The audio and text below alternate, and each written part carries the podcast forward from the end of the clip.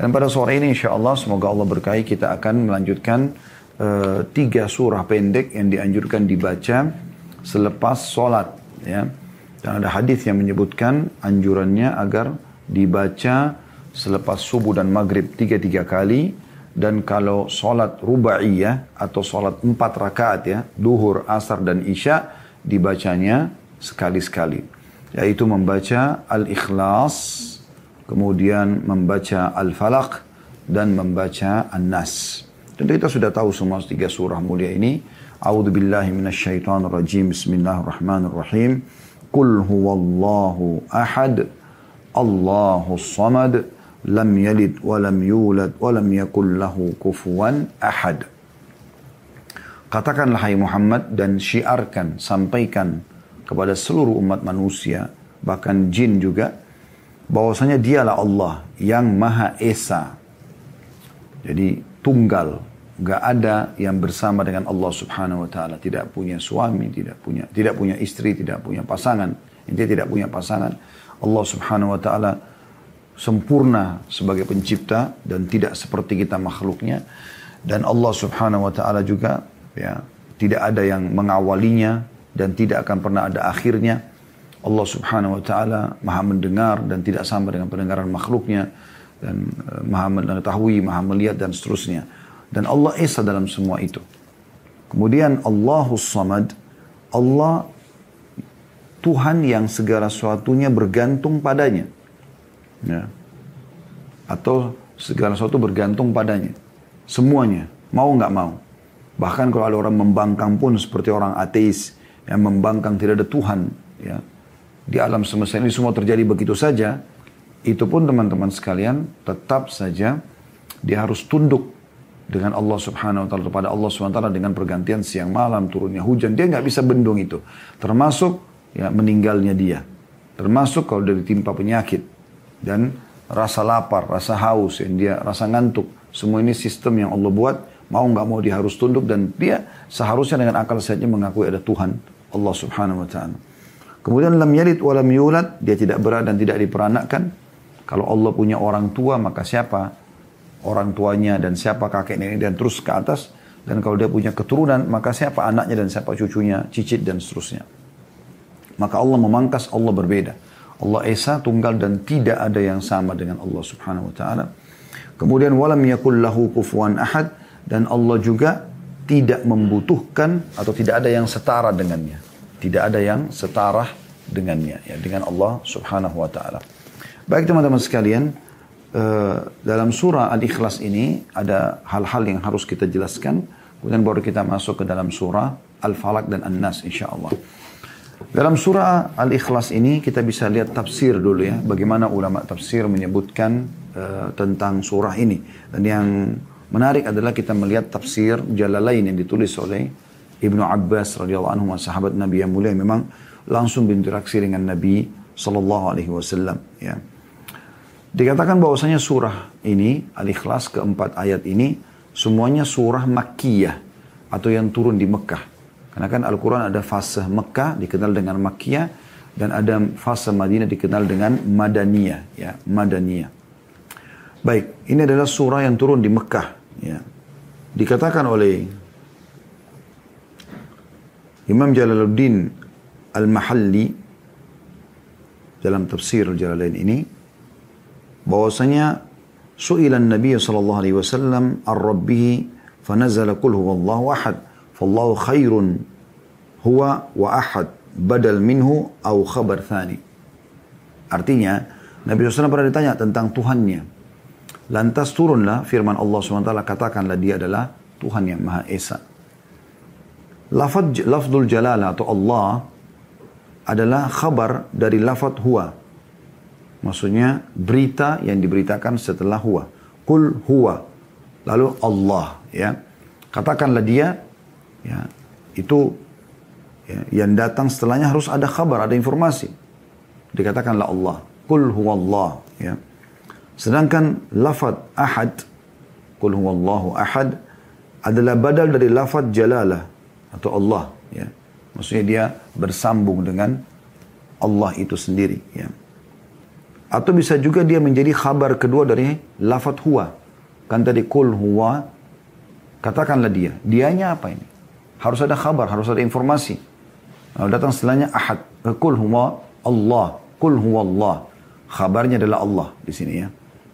Jadi uh, dimulai dengan huwa, kemudian datang khabar setelahnya Allah. Lalu bisa saja ini khabar yang kedua adalah ahadnya.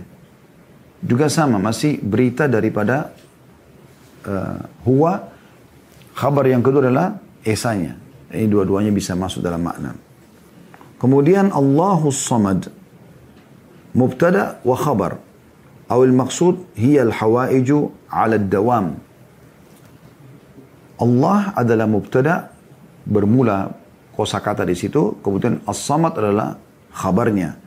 Allah adalah Tuhan yang bergantung kepadanya segala sesuatu.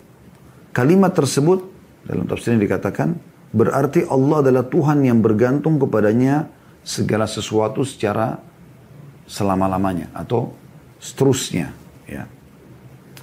Kemudian lam yalid artinya lintifa majanisatihi atau mujaina eh, maaf saya ulangi mujanisatihi Walam yulad lintifa'ul hudubu anhu. Tidak beranak karena tidak ada yang menyamai Allah serta sejenis dengan Allah dan tidak pula diperanakkan karena mustahil hal ini terjadi baginya. Ini makna tafsirnya. Walam yakul lahu kufuan ahad ay mukafian wa mumalian. Wa mumathilan, maaf, mukafian wa mumathilan Ai tidak ada seseorang yang atau tidak akan ada atau tidak bergantung pada sesuatu atau pada siapa pun karena memang tidak akan ada pernah yang bisa melakukan itu. Tidak akan pernah bisa ada yang memenuhi Allah Subhanahu wa taala ya. Ini kurang lebih secara umum makna daripada uh, uh, empat ayat Al-Ikhlas ini. Baik teman-teman sekalian, uh, kita akan masuk ke Al-Falak juga. Saya akan bacakan dulu secara umum ya. A'udzu billahi minasyaitonir rajim. Bismillahirrahmanirrahim. Qul a'udzu birabbil falaq. Katakan hai Muhammad aku berlindung kepada Tuhan yang menguasai subuh ya. Yang memunculkan waktu subuh terbitnya matahari. Min syarri ma khalaq. Dari segala kejahatan makhluknya. Ya wa min syarri ghasiqin idza waqab. Dan dari kejahatan malam apabila telah gelap gulita. Wa min syarri naffatsati fil 'uqad. Dan dari tiupan nenek-nenek sihir ya, yang ditiup atau menghembus di pada buhul-buhul. Wa min syarri hasidin idza hasad. Dan dari iri dengkinya orang yang dengki. Ya makna umumnya ayat ini adalah Katakan, hai Muhammad, aku berlindung kepada Tuhan yang menguasai waktu subuh. Maknanya, semua apa pun yang akan aku hadapi di waktu pagi ini, maka semuanya aku berlindung kepada Allah SWT. Kalaupun ada keburukan, maka keburukan agar aku diselamatkan. Terbukti setelahnya datang ayat, min syarri ma khalaq. Dari semua keburukan yang diciptakan. Maksudnya pada waktu pagi ini ya. Pada waktu pagi itu. Kita minta agar dijauhkan dari semua keburukan. Kemudian juga, wa min syarri ghasiqin waqab Selain perlindungan di waktu pagi juga perlindungan di malam hari. Dan aku juga berlindung kepada Tuhan dari kejahatan malam apabila telah gelap gulita. Ya, karena umumnya kriminal, kejahatan, kemaksiatan terjadi justru di malam hari. Ya. Kita tahu kan begitu, umumnya di depan mata seperti diskotik, bar, karaoke. Walaupun ada yang buka pagi, siang, tapi umumnya orang malam hari. Karena orang malam hari itu sudah tidak bekerja, tidak mencari rezeki. Mereka banyak waktu lowong, kemaksiatan terjadi justru di waktu-waktu lowong itu ya. Kalau kita lagi lapang, maka biasanya kita melakukan dosa-dosa tersebut. Kemudian dari keburukan malam, ataupun ada kejahatan orang lain akan melakukan kepada kita, perampokan, pembunuhan. Ini semua terjadi biasanya di malam hari karena orang tidak terlalu banyak melihatnya. Kalau siang bolong kan bisa ketahuan. Maka kita berlindung dari semua keburukan yang bisa terjadi di malam itu. Kemudian wa min syarrin naffatsati fil dan juga dari tiupan atau hembusan nenek-nenek sihir ya yang dia hembuskan atau dia tiupkan pada buhul-buhul. Ya. Makna buhul adalah mediasinya, media yang digunakan. biasanya foto, pakaian dalam, dan seterusnya yang digunakan oleh para penyihir-penyihir ini untuk menyerang target. Dan memang mereka biasa melakukannya di malam hari. Justru di malam hari, serangan-serangan tersebut mereka lakukan. ya. Nah di sini kita minta agar diselamatkan dari hembusan-hembusan. Karena kapan dia sudah menghembus buhul tersebut, atau dia sudah membuat ikatan-ikatan, biasanya pengaruh sihirnya ada saja. Dan ini bukan mustahil. Karena ini terjadi pada baginda Nabi Sallallahu alaihi wa ala alihi wa sahbihi wasallam Beliau pernah disihir oleh Lubab bin Asam, salah satu orang Yahudi yang menyihir Nabi Sallallahu Alaihi Wasallam ya, sampai akhirnya beliau melupa atau lupa giliran istri yang mana yang beliau harus datangin selama sebulan. Kecuali beliau diingatkan oleh salah satu istrinya gitu ya. Hanya Nabi SAW berdoa sampai akhirnya Nabi SAW bermimpi dan diinformasikan oleh malaikat kalau memang ada buhul beliau disihir oleh Lubab bin Asam dan ada buhul yang diambil yaitu potongan rambut Nabi SAW yang ada pada sisir beliau, kemudian diikat di batang pohon kurma lalu ditaruh di dalam sumur suku Za'far atau sukunya Lubab ibn Asam ini, Lubab ibn Asam. Dan ini teman-teman sekalian adalah uh, perbuatan syirik kepada Allah SWT, perbuatan yang sangat dimurkahi ya. Dan kita harus berlindung karena penyihir ini semuanya buruk. Tidak ada penyihir yang baik. Ya, makanya dalam Islam kita tahu bagaimana sabda Nabi SAW jelas sekali ya eh, menghukum mereka. Kata Nabi SAW, hadus sahir darbatun bisaif. Hukuman ya, bagi para penyihir, tebas lehernya. Gak ada yang lain gitu. Ya. Hanya dibunuh saja, dihukum mati. Karena memang mereka berbahaya sekali. Ya. Banyak orang tidak sadar. Dia pergi ke dukun, minta agar dimudahkan rezekinya. Padahal dukunnya sendiri orang miskin. Rumahnya sendiri juga kumuh. Gitu kan. Kalaupun dia rumahnya bagus, misal. Maka sebagus apa rumahnya? Kalau dia memang sudah kaya raya, dia tidak akan buka praktek itu. Gitu kan? Dia minta istri yang cantik atau suami yang gagah. Mungkin dukunnya itu istrinya jelek atau suaminya jelek. Gitu kan? Atau minta keturunan. Mungkin dukunnya tidak punya keturunan. Itu banyak terjadi. Tidak punya keturunan. Gitu kan? Dan banyak hal yang yang aneh yang diminta oleh orang kepada dukun-dukun ini sebenarnya mereka sendiri dukun itu tidak memilikinya, teman-teman sekalian. Tapi seperti itulah, ya. Intinya kita dalam surah ini kita minta perlindungan kepada Allah Subhanahu wa taala agar jangan sampai kita kena ya eh, kejahatan mereka. Wa min syarri hasidin idza hasad dan dari keburukan iri dengki. Ini sering terjadi ya. Uh, partner bisnis, teman-teman di Japnas mungkin banyak teman-teman yang bisnis bersama atau persaing-persaing bisnis. Itu kan kadang sering kali bisa memunculkan gesekan-gesekan hasad namanya. Iri ya. Nah ini kita berlindung karena kejelekannya parah sekali. Orang kalau sudah hasad yang salah, yang buruk ya, dia iri, maka dia berharap menjatuhkan, mencelakakan. Ya, bahkan ada namanya penyakit ain dalam Islam, matanya bisa panas ya. Kalau dia melihat sesuatu yang dia tidak sedang itu dia hasad ya. Mobilnya bisa rusak, rumahnya orang bisa kebakaran dan ini sudah pernah kita bahas khusus tema. Anda bisa kembali ke playlist YouTube insya Allah dengan temukan bahasan tentang ain Bagaimana bahayanya penyakit ini ya. Itu karena hati biasa iri, sakit hati kenapa orang lain lebih gagal, lebih cantik, lebih sukses, lebih kaya, lebih pintar dan seterusnya. Akhirnya dia berharap kecelakaan terjadi pada orang yang sedang jadi target tersebut. Dan ini berbahaya sekali. Ya, makanya kalau Anda punya kelebihan jangan selalu dipamer.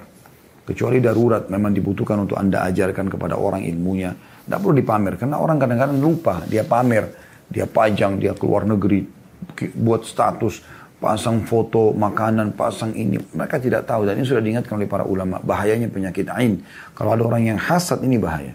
Di Saudi ada diangkat beberapa contoh. Cuplikan ada orang yang anaknya lucu sekali Masya Allah. Dibuat menari-menari anak itu. ya Terus di shooting diangkat di medsos. Apa yang terjadi? Tiga jam setelah itu masuk rumah sakit anak itu. Kena penyakit ain.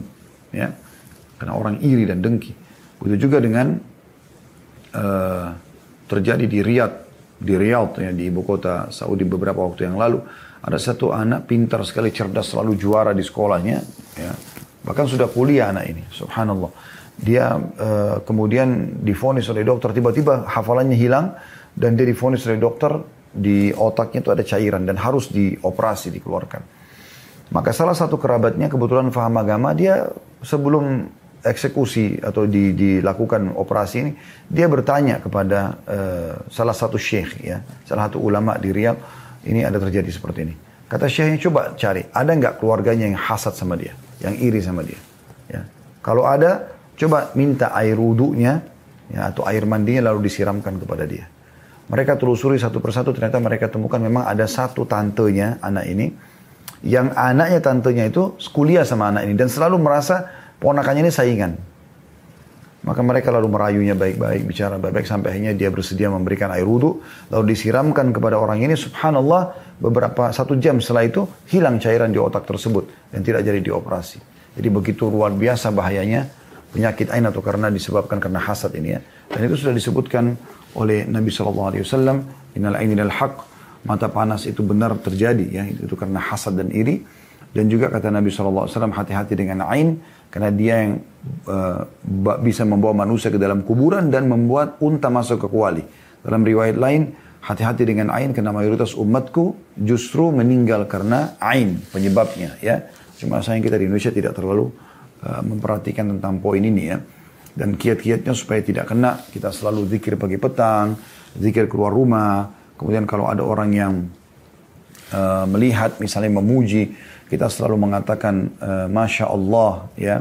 Tabarakallah ya, Masya Allah la hawla wa la quwata illa billah kita sebutkan itu.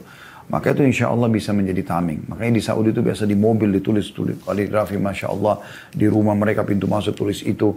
Jadi mereka justru itu. Dan mereka menjaga tidak selamanya harus dipamer dan diceritakan kepada orang ya. Disayangkan kalau di negara kita justru orang ekspos sengaja di medsos update sekali status di WA di medsosnya semuanya kelebihan-kelebihan diekspos. Kadang-kadang kemesraan rumah tangga bahkan di di, di apa namanya dipamer ya.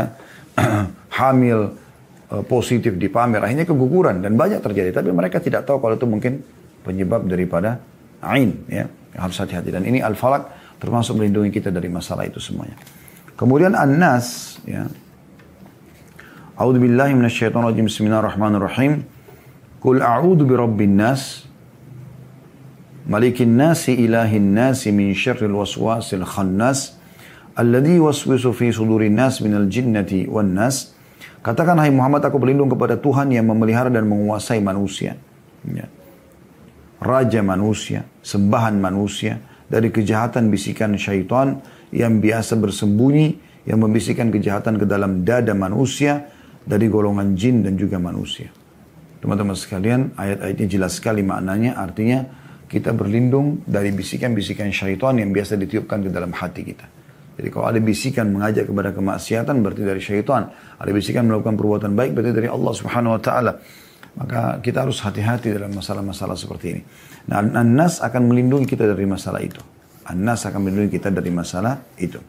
Baik ini di antara hal yang dianjurkan dibaca setiap habis sholat. Jadi kalau kita hitung sebenarnya, kalau lima waktu sholat, ada hadis yang menjelaskan dari saya bilang di awal pertemuan Al-Ikhlas, Al-Falak, An-Nas kalau subuh dan maghrib dibaca tiga-tiga kali.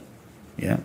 Kemudian di sholat rubai atau sholat uh, apa namanya empat rakaat duhur asar maghrib uh, duhur mag, duhur asar dan isya ini dibaca sekali-sekali. Maka kalau kita hitung ini sebenarnya berarti kita membacanya dalam sehari enam kali kalau habis sholat lima waktu. Ber, uh, mengesahkan Allah, berlindung dari kejahatan sihir dan juga seluruh iri dengki Kemudian juga berlindung dari syaitan, uh, dari semua bisikan-bisikannya yang juga kadang-kadang ditiupkan kepada manusia. Jadi galangan manusia juga ada syaitannya, ya, yaitu orang-orang yang memang selalu mengajak kepada eh, jalan-jalan uh, syaitan. Itu namanya dikenal dengan minal jinnati wan nas dari golongan jin dan manusia kita. Maka kita berlindung kepada Allah Subhanahu wa taala dengan membaca eh, doa-doa uh, ini karena ini memang mengamankan kita dari masalah itu. Kemudian juga kita dianjurkan baca di zikir pagi petang. Kita dianjurkan baca pada saat mau tidur. ya. Ini semua agar kita betul-betul selalu mengisahkan Allah subhanahu wa ta'ala. Dan juga dalam keadaan kita ya, berlindung dari semua keburukan. Dan ini yang paling banyak teman-teman sekalian yang menjadikan kita bermasalah. Ya. Kita banyak tidak tahu masalah itu. Bisikan syaitan, hasad orang lain, dan juga sihir.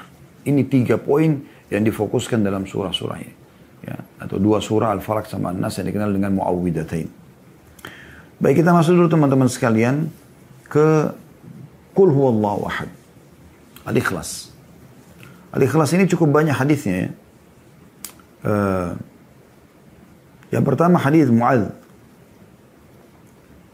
bin Anas al-Juhani radhiyallahu anhu beliau berkata bahwasanya Rasulullah SAW bersabda man qara'a qul huwallahu ahad hatta yakhtimuha atau hatta yakhtimaha ashra marrat bunya lahu qasran fil jannah barang siapa yang membaca qul huwallahu ahad 10 kali merampungkan membaca sampai tuntas. Bismillahirrahmanirrahim. Wallahu ahad. Allahus samad. Lam yalid wa lam yulad wa lam yakul lahu kufuwan ahad. Diulangi lagi. Sampai 10 kali maka akan dibangunkan baginya istana di surga. Ya, jadi kalau anda baca habis sholat ya, sekali-sekali misalnya tadi kalau sholat empat rakaat atau habis subuh anda baca tiga kali habis maghrib tiga kali maka anda sudah punya istana di surga. Karena kan kalau habis subuh saja tiga kali sudah langsung dapat uh, maaf ini tiga kali tambah uh, habis maghrib tiga kali juga ya. Kemudian tambah setiap sholat uh, empat rakaat satu satu kali berarti sembilan kali tinggal anda tambah satu kali anda akan mendapatkan istana di surga. Bisa juga anda khususkan lagi. Anda baca juga ikhlas selain daripada zikir uh, habis sholat, zikir mau tidur. Anda baca sendiri kurullahat sepuluh kali untuk mengejar keutamaan ini. Dan hadis ini hadis riwayat Imam Ahmad dan disah dan disahihkan oleh Syekh Albani. Kemudian juga dianjurkan membaca al-ikhlas ini di sholat sunnah al-fajr. Ya. Kita tahu sunnah Nabi SAW dalam hadis Abu Hurairah radhiyallahu anhu bahwasanya Rasulullah SAW qara'a fi rak'ati al-fajr bahwasanya Nabi SAW atau Rasulullah SAW membaca di dua rakaat sunnatul fajr kul ya ayyuhal kafirun dan kul huwallahu ahad. Rakaat pertama kul ya ayyuhal kafirun dan rakaat kedua kul huwallahu ahad. Ya. Hadis ini riwayat Muslim. Juga Ibnu Umar meriwayatkan Eh, dan beliau berkata, aku memperhatikan Nabi Shallallahu Alaihi Wasallam selama sebulan. Beliau bisa beliau biasa membaca dua rakaat sebelum subuh, Qul ya kafirun dan Qul huwallahu ahad. Hadis riwayat Tirmidzi. Ya. Kemudian juga Nabi SAW bersabda dalam hadis yang lain diriwayatkan Ibnu Khuzaimah dan disahihkan oleh Syekh Albani. Kata Nabi SAW, nikmatus suratani. Ya Nikmat suratani yaqra' bihima fi rak'atayn qabla al-fajr qul Allahu dan qul ya al-kafirun.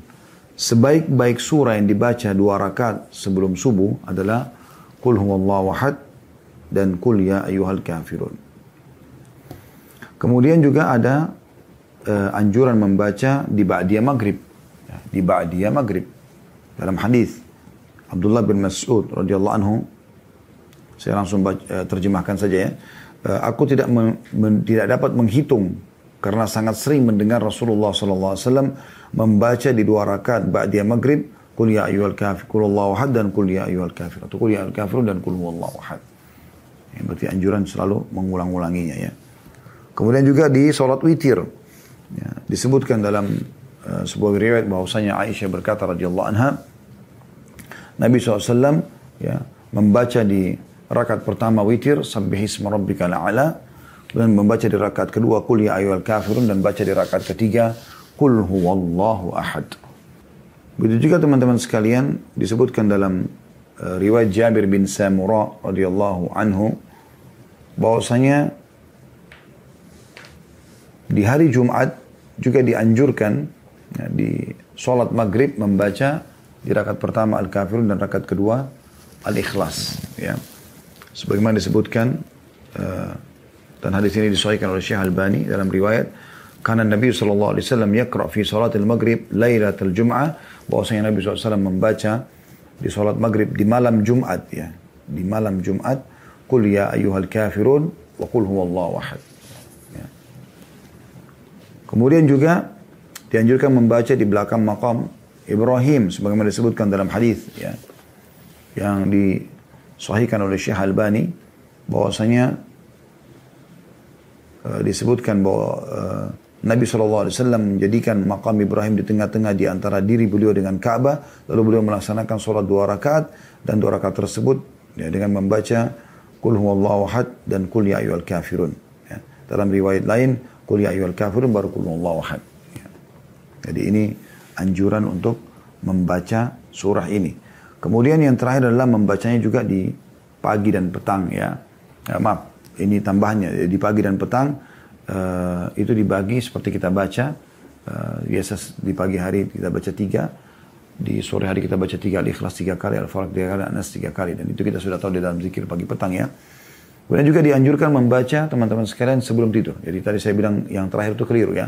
Nah, kita luruskan kembali. Sebelum tidur juga dianjurkan riwayat Bukhari bahwasanya Aisyah radhiyallahu anha mengatakan bahwasanya Nabi Shallallahu alaihi wasallam kalau hendak tidur maka beliau membaca Qul falak dan nas selalu meniup telapak tangan beliau, kemudian beliau mengusap ke seluruh tubuhnya, ke seluruh tubuhnya. Ya, jadi ini berarti ada uh, anjuran untuk membacanya ya. Dan ketiga surah ini kalau kita gabungkan teman-teman sekalian, umumnya memang tidak terpisahkan ya. Dizikir pagi petang, dibaca uh, tiga kali al-ikhlas, tiga kali al-falak, tiga kali an-nas. Selepas sholat, ya, seperti yang kita pelajari, setelah al-ikhlas, baca al-falak, baca an-nas gitu kan. Uh, pada saat mau tidur, baca juga al-ikhlas, al-falak, an-nas gitu kan. Cuma dalam sholat tadi, kalau sholat tadi memang ada sudah kita sebutkan digabungkan antara kuliah kafirun dan kuliah ahad ya. Tapi di sini kalau tiga surah ini umumnya di, digabungkan ya. Dan memang Nabi SAW menjanjikan hal yang luar biasa kalau kita gabungkan ketiga surah ini dalam membacanya. Dalam sebuah hadis ya yang diriwayatkan oleh Abu Daud juga An-Nasai dan hadis ini uh, disahihkan oleh Syekh Albani. Disebutkan bahwasanya Muadz bin Abdullah bin Hubaib dari bapaknya radhiyallahu anhu ajma'in beliau mengatakan kami pernah keluar di satu malam yang hujan deras. Saya langsung terjemahkan saja ya keluar mencari Rasulullah SAW untuk sholat bersama kami dan kami temukan beliau. Tapi tidak disebutkan di mana. Kemungkinan besar di luar rumah beliau SAW. Kemudian beliau tiba-tiba mengatakan kepada kami, bacalah. Hmm. Maka aku pun uh, kata Abdullah, aku terdiam, aku tidak membaca ya. Karena tidak tahu harus baca apa. Abdullah bin Khubayb mengatakan. Lalu Nabi SAW ulangi kedua kali, bacalah. Aku juga terdiam. Ketiga kali, bacalah. Maka aku pun mengatakan, apa yang harus aku baca ya Rasulullah. Kata Nabi Wasallam, Kul huwallahu ahad. Ya. Kul a'udhu birabbil falak dan kul a'udhu birabbil nas. Ketika sore dan ketika pagi sebanyak tiga kali. Maka ayat-ayat ini akan mencukupimu atau menjagamu dari segala keburukan. Jadi artinya dengan tiga, membaca tiga kali di pagi hari dan tiga kali di sore hari. Ya. Ini juga termasuk kan habis sholat kan juga kita baca ya. Maka akan diselamatkan dan dipenuhi segala kebutuhan. Jadi diberikan semua kebaikan-kebaikan dari rezeki dan juga diselamatkan dari segala mara mara bahaya. Ya. Dan ini uh, penting untuk digarisbawahi teman-teman sekalian ya, agar jangan sampai uh, luput dari kita ya. Begitu juga kita sudah tahu tadi saya sampaikan hadis Bukhari. Aisyah mengatakan kalau mau Nabi SAW mau tidur beliau tidak bicara. Lalu beliau mengucapkan atau membaca Al-Ikhlas tiga kali, Al-Falak tiga kali, An-Nas tiga kali. Meniup telapak tangan lalu mengusap tubuh seluruh tubuh yang beliau bisa jangkau ya sebagaimana disebutkan dalam hadis Bukhari ya uh, dan ini juga digajikan oleh para ulama pegangan tentang masalah rukyah syariah ya. Jadi kalau anda merasa sering mimpi buruk uh, sering meriang apa merinding kalau dengar ayat atau mendengar azan malas beribadah anda baca ketika surah ini tiup telapak tangan lalu usap ke tubuh anda. Ya kalau anda merasa terganggu nggak enak merinding di sisi kanan sisi uh, sisi kiri sisi kanan ya maka Anda uh, bacain dan usapkan ke tubuh. Insya Allah ini akan sangat bermanfaat sebagaimana Nabi SAW praktikan pada saat mau tidur ya. Kemudian juga Nabi SAW menganjurkan sekali untuk diulangi habis sholat sebagaimana tadi sudah kita bilang ya.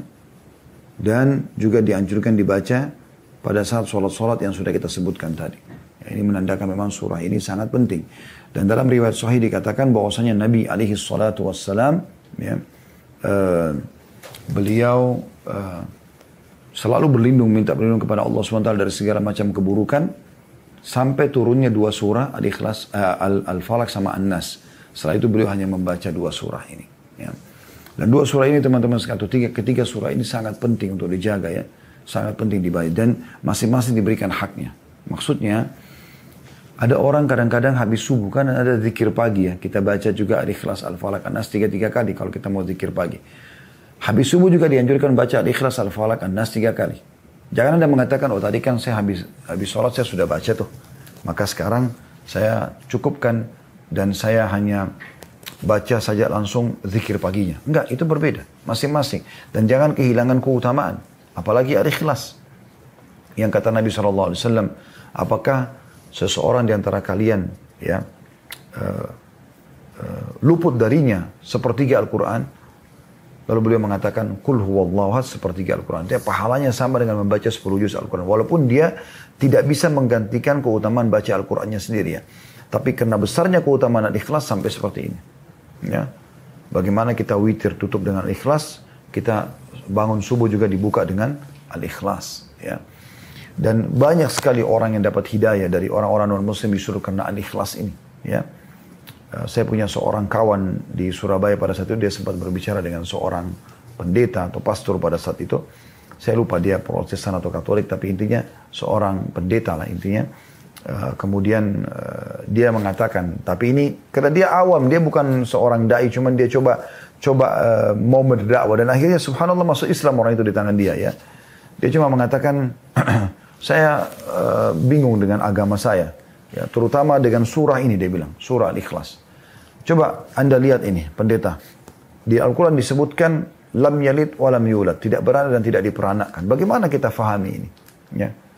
Bagaimana agak Anda memahami dalam agama Anda? Maka awalnya si pendeta mengatakan, ya memang agama kamu nggak benar begini dan begitu, gitu kan. Jadi jauh itu, beda, tidak seperti itu pemahamannya.